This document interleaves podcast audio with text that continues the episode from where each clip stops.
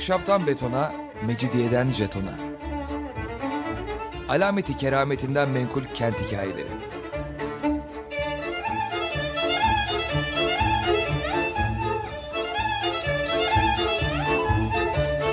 Hazırlayan ve sunan Pınar Erkan.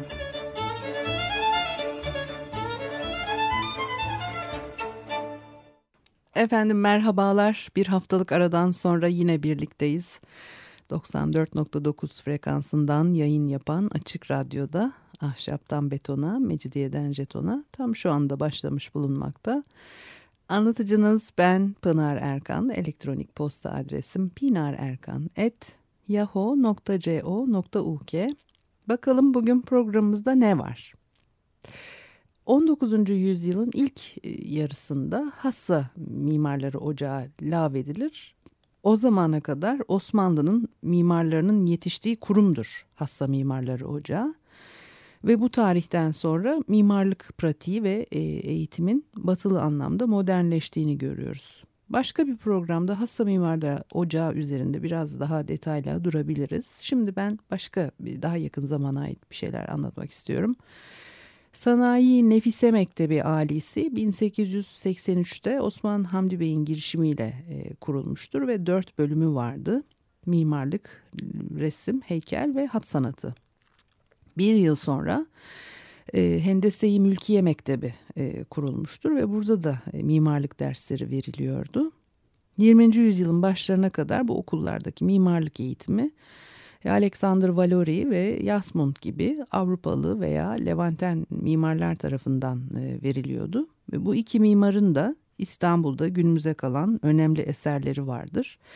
Eserler genellikle e, Osmanlı ve İslam etkilerine e, göndermede bulunan yapılardı.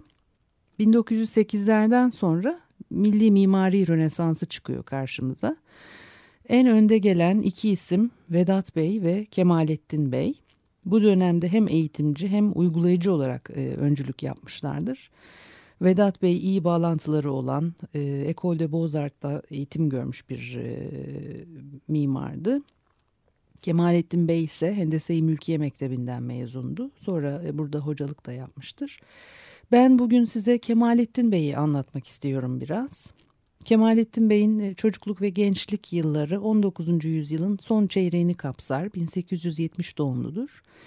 Ve aslında e, kendisiyle ilgili e, epey bilgi var tabii ama torunları bir oğlu var. Ondan sonra başka akrabası, kardeşi yok.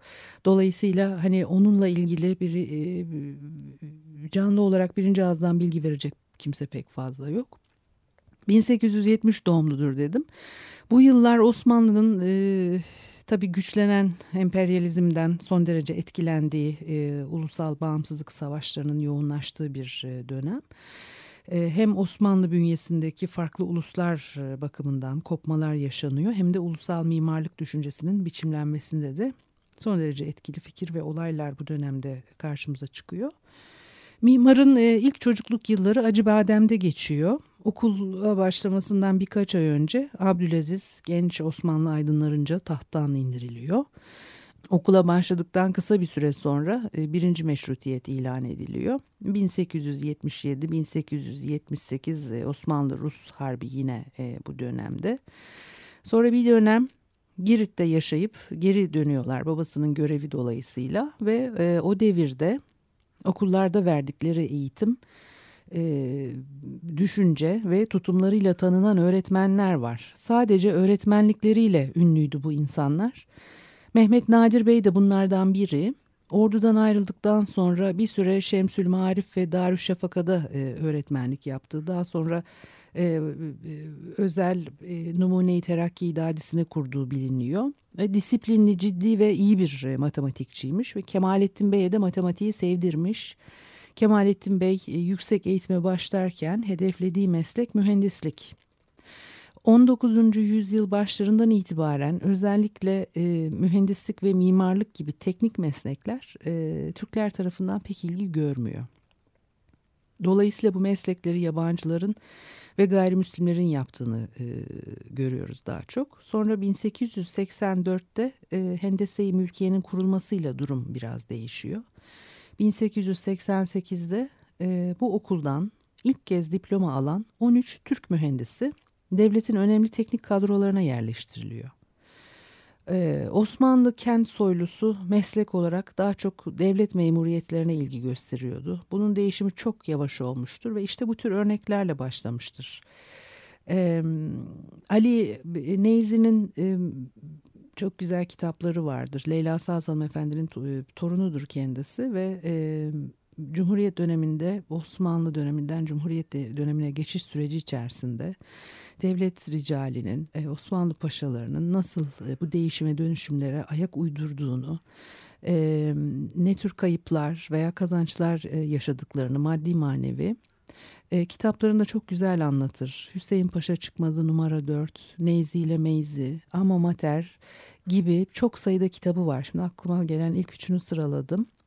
E, orada anlatır annesiyle babası e, evlenmek istiyorlar ama tabii kendisi işte paşa torunu filan. E, anneannesi de çok güçlü bir karakter. Babası da ticaretle uğraşan birisiymiş.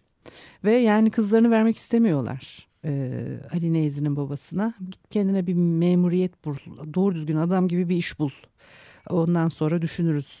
Türünden karşılıkları var. Kitaplarında e, anılarında bunları hep anlatır. Dolayısıyla e, Cumhuriyet dönemine de sarkan bir anlayış e, bu. Bu tür mesleklerin ön plana yani tabii burada şimdi tüccarlık da aynı şey değil mühendislik ama devlet memuriyetinin ne kadar önemli olduğunu hani vurgulamak için bunu anlattım. E, mühendislik, mimarlık, e, taş ustalığı olarak tabii görülüyor ve bunları daha çok gayrimüslim cemaat mensupları e, yapıyor bu işlerle meşguller. Dolayısıyla Müslüman Türk aileleri e, bu işlere bulaşmayı çok e, istemiyor e, ve sevmiyorlar. E, Kemalettin Bey yüksek eğitimi için 1887 yılında e, Hendese-i Mülkiye'ye girdiğinde e, okul kuruluşunun üçüncü yılını e, doldurmuş. Henüz mezun vermemiş bile. E, ilk kez Hasan Edip Paşa yönetiminde eğitime başlayan okulda genel yapı derslerini Alman bir profesör. E, köprü ve hidrolik konularını Avusturyalı bir diğer profesör veriyor. E, mimari tasarım dersini ise Alman profesör Jasmund vermekte ve ders programlarında yer alan diğer konularda ise daha çok Mühendishane-i Berri Humayun'un Türk asıllı subay öğretmenleri. E, onlar görev almışlar, bu işleri üstlenmişler. Kemal Bey de okulda özellikle Profesör Yasmund'un e, e, mimari tasarım dersine ilgi gösteriyormuş. O mühendislik derslerinden ziyade e, mimarlık ve tasarım derslerine daha alakalı olduğu e, aktarılıyor. Öğrencileri tarafından özellikle e, daha ilerleyen yıllarda elde ettiğimiz bilgiler var. Türk ulusçuluğu düşünceleri de bu yıllarda serpilmiştir ve Yasmund da İstanbul'a Osmanlı mimarlığını incelemek için Alman hükümeti tarafından gönderilmiş ve yaptığı bir evle e, Ragıp Paşa'nın gözüne giriyor. Onun referansıyla yeni açılan Hendese-i Mülkiye'ye mimari tasarım hocası olarak atanıyor filan. Mesela Sirkeci Garı onun eseridir. 1891 yılında okulu bitirdikten sonra Hendese-i Mülkiye Mektebi'nde Profesör Yasmund'un asistanı olarak çalışmaya başlıyor Kemalettin Bey. Dört yıl yürütmüş bu görevi ve bu arada okul dışında özel bir, bir büro açarak ilk mimarlık çalışmalarını tasarlamaya başlamış. Kendi not defterinde belirttiğine göre bu yıllardaki ilk tasarım denemesi Rumeli Hisarı'nın tepelerinde eski Berlin e, Büyükelçisi Galip Bey için yaptığı iki köşk olmuş. Bunları İstanbul'un çeşitli yerlerinde gerçekleştirdiği başka köşk ve konutlar izlemiştir. Kendisi de söylüyor önceleri genellikle ahşap konutlar yapımıyla e, e uğraştığını. Bu arada Nişantaşı'nda bugün yıkılmış olan Halil Paşa ve İsmail Paşa konaklarıyla e, Ortaköy'de koru içindeki Sultan Reşat Köşkü'nü de tasarlamıştır. Sonra 1895'te mimarlık eğitimini ilerletmek için devlet eliyle e, Berlin'e gönderiliyor. Yine e, Yasmund, Profesör Yasmund'un burada e, bir referans vermesi, bir desteği söz konusu zannediyorum. Alman kültürü pekişiyor tabii bu şekilde ve Berlin'de İki yıl mimarlık eğitimi gördükten sonra iki buçuk yılda çeşitli mimarların yanında çalışıyor. E, bu arada ayrıca Osmanlı Devlet Mimarı ünvanıyla İstanbul için bir genel tutuk evi tasarımıyla da uğraşmış. Kemalettin Bey'in İkinci meşrutiyet öncesi dönemde en büyük etkinliği eğitim alanında. E, Profesör Yasmund'un Hendese-i Mülkiye Mektebi'ndeki derslerini üstleniyor. Ayrıca Sanayi Nefise Mektebi'nde e, Nazariyat-ı Mimariye adlı bir e, ders vermeye başlıyor. Ve ulusal mimari hakkındaki e, düşünceleriyle de öğrencilerini etkilemiş elbette.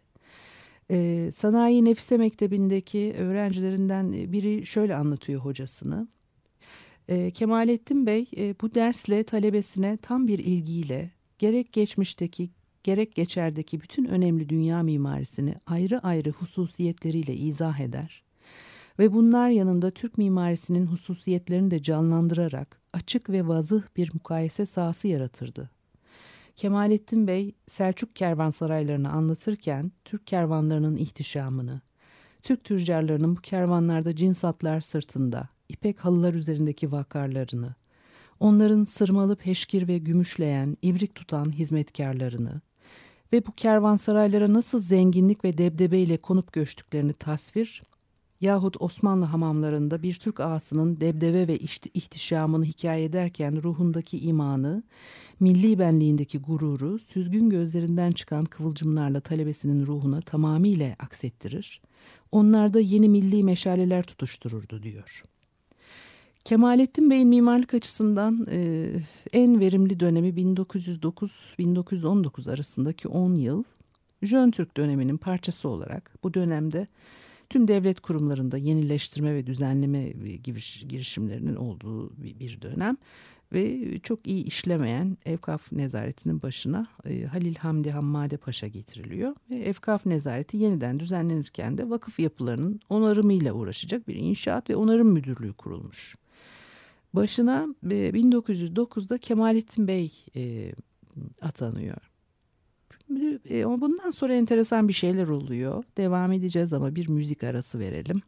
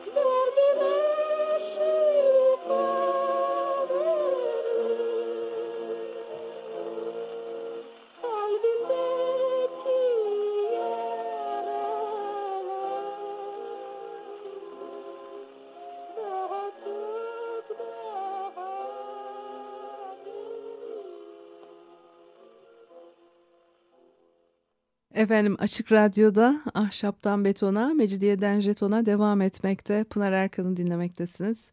Ee, Kemalettin Bey'den söz ediyorduk bugün. Ee, e, vakıf yapılarının onarımıyla uğraşacak bir inşaat ve onarım müdürlüğü kurulduğundan ve bunun başına 1909 yılında Kemalettin Bey'in getirildiğinden söz ediyordum en son.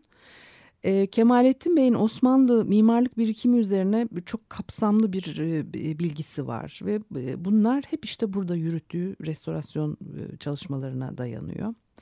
E, bu heyette çok sayıda mimar yetişiyor ve burası önemli bir eğitim kurumu haline gelmiştir. Yürütülen çalışmalarla yetişen mimar, mühendis ve zanaatkarlar daha sonra milli mimari rönesansını ülkenin çeşitli yerlerine taşımışlardır. E, Kemalettin Bey'in çok büyük etkisi var e, bunda adeta bir Kemalettin okuluna dönüşmüş e, burası ve son derece dindar ve e, muhafazakar biriymiş Kemalettin Bey. Osmanlı İmparatorluğu'nun çökmesinden, gerilemesinden çok rahatsız. Eski ihtişamın canlanmasını istiyor. Fakat e, mimari biçimlerin içi boş birer e, gösteri olarak inşa edilmelerini beğenmiyor. E, Milli Mimari Rönesansı'nın hocası e, Yasmun'da filan bir karşı eleştiri olarak yorumlanması işte bu tür e, düşüncelerden ve yaklaşımlardan dolayı. Karşımıza çıkan en net e, değişikliklerden biri geleneksel olarak Avrupalı, Levanten, Ermeni ve Rumların hakim olduğu bir mimari üretim alanına Türk Müslüman mimar ve sanatçılarının çıkmaya başlaması artık bu tarihten itibaren. Örneğin Sanayi Nefise e, Mektebi'nde mimari stüdyoların başına e, Alexander Valori yerine Vedat Bey e, geçmiştir. Milli Mimari Rönesansı'nın üçüncü büyük ismi olan İtalyan Mongeri e, Vedat Bey ile birlikte çalışıyordu mektepte.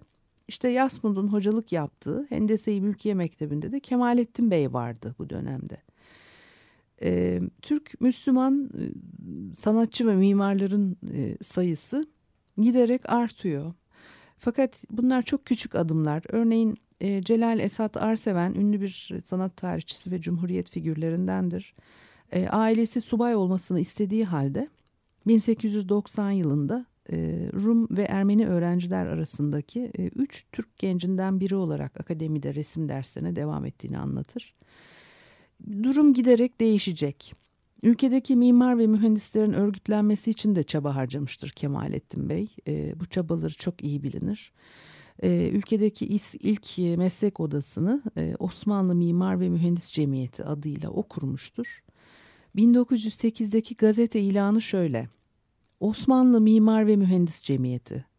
Bir Osmanlı Mimar ve Mühendis Cemiyeti teşkili hakkında müzakeratta bulunmak üzere Ağustos'un 15. Cuma günü Sirkeci İstasyon Bahçesi'nde içtima eden mühendis ve mimar efendilerin muvakkaten intihap etmiş oldukları heyetin tanzim ettiği mükerrerat ve nizamat-ı esasiyeye yani karar ve tüziye dair malumat almak üzere Eylül'ün 5. günü sabahı Alaturka saat 2.30'da Taksim bahçesi içindeki dairede içtimaları rica olunur.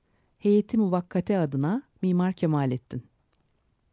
1908 yılında resmen kuruluyor e, bu cemiyet. 21 kayıtlı üyesi var. Bunların içinde mimar olarak kayıtlı 11 kişiden yalnızca 3'ü e, Türk. Kemalettin Bey, Vedat Bey ve üçüncü kişi de müze müdürü Halil Eten Bey. E, Kemalettin Bey'in çeşitli görevleri var ve devletin e, yüksek ücretli memurlarından. E, Vedat Bey'in de görevleri var. Birlikte de çalışıyorlar. Şimdi bir iki yerde tabii Vedat Bey de çok önemli. Onu da başka bir programda e, anlatırız. E, o daha e, renkli bir karakter. E, işgal yıllarının Efkaf Nazırı Vasfi Hoca tarafından 1919'da e, nezaretteki işine son veriliyor Kemalettin Bey'in. Yalnızca şehre şehremanetinde ve özel atölyesinde yaptığı çalışmalarla e, kazancını sağlamak zorunda kalmıştır. Bu çok büyük bir darbe oluyor mimara. Çünkü önemli işler yapmış hep ve haklı bir e, üne kavuşmuşken dönemin ağır koşullarında servetini de yitiriyor. işte Türk lirasının e, değer, savaş koşullarında değer kaybet, kaybetmesi sebebiyle Alman e, fon bonolarına paralarını yatırmış. Ondan sonra tabii Almanca Almanya yenilince onları da e, kaybediyor. Uzun yıllardır eşiyle sorunları var, anlaşamıyorlar. Artık bunlar e, e, çok ileri bir noktaya varmaya başlamış e, ve 1919-1923 arası Kemalettin Bey için e, bu anlamda en bunalımlı yıllar. Fakat halk arasındaki ününü pekiştiren en önemli yapıtlarından birini yine bu dönemde ortaya koymuş. 1918 Fatih yangını meşhurdur ve o yangında evlerini yitiren e, dar gelirli aileler için tasarladığı Laleli'deki Harikzedegan e, kat evlerini e, bu yıllarda gerçekleştirmiştir. Sonra Kudüs'e gidiyor. E, 1919 yılında İngiliz e, yönetimine geçen Kudüs'te İslam dünyasının en kutsal yapılarından biri sayılan Mescid-i Aksa'nın onarımını yapacak. Kudüs müftüsü Müslüman bir mimarı e, görevlendirmek istemiş. E, bu yörelerde yapmış olduğu çalışmalarla e, Araplar arasında da ün yapmış Kemalettin Bey ve bu görev için de en e, uygun kişi olarak e, kendisini saptamışlar. Kemal Bey'in e, e, Kemalettin Bey'in e, Kudüs'te bulunduğu e, sıralarda ee, Ankara'da gerçekleştirilmesi düşünen bazı yeni tasarımların yapımı Mimar Vedat Bey'e veriliyor. Halk Partisi Genel Merkezi 1924'te böyle tamamlanmıştır. Sonra e, Büyük Millet Meclisi olarak kullanılmıştır bu bina. Yine Vedat Bey tarafından yapımına e, başlanan Ankara Palas Oteli yarım kalıyor bir takım anlaşmazlıklardan ötürü. E, Kemalettin Bey'i e, Kudüs'ten başkente çağırıyorlar. Gelsen tamamla oteli diye. Ankara'ya geliyor. E, o arada e, boşanmış ve e, yeniden e, evlenmiştir.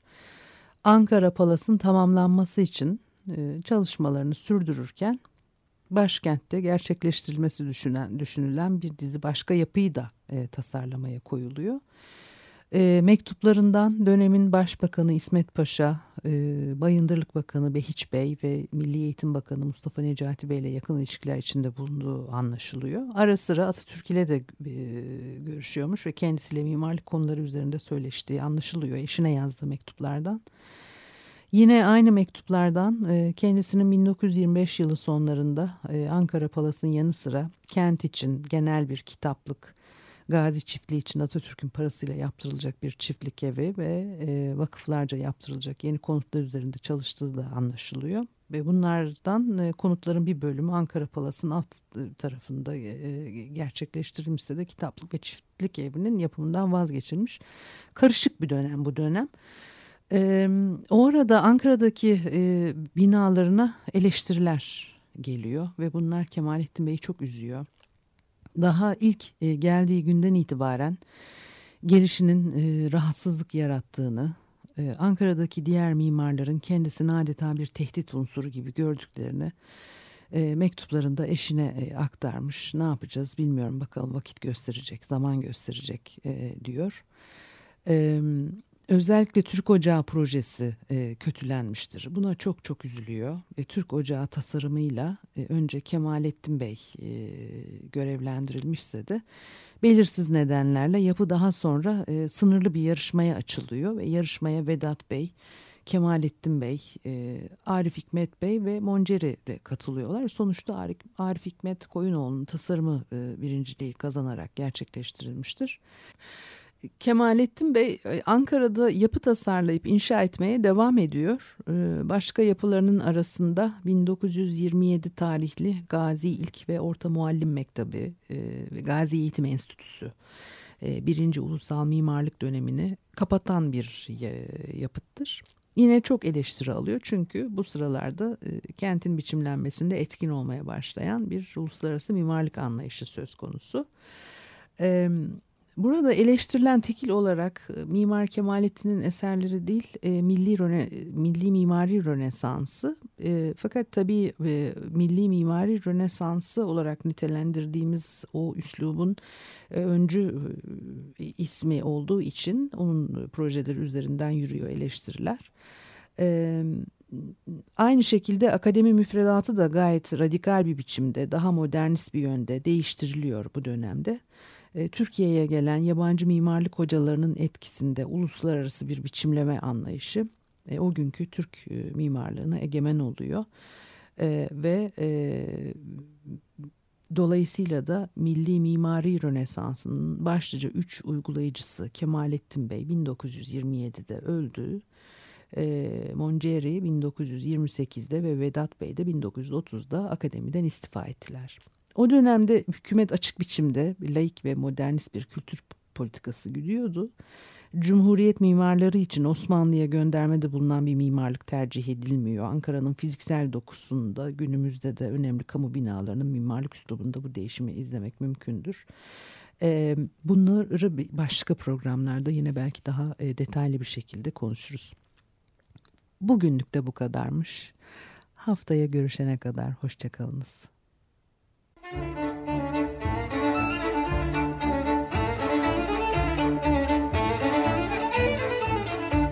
Ahşaptan betona, mecidiyeden jetona.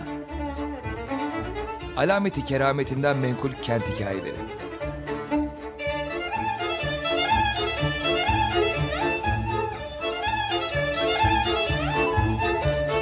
Hazırlayan ve sunan Pınar Erkan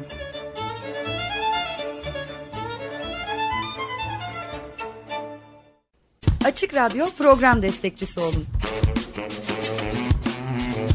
Bir veya daha fazla programa destek olmak için 212 alan koduyla 343 41 41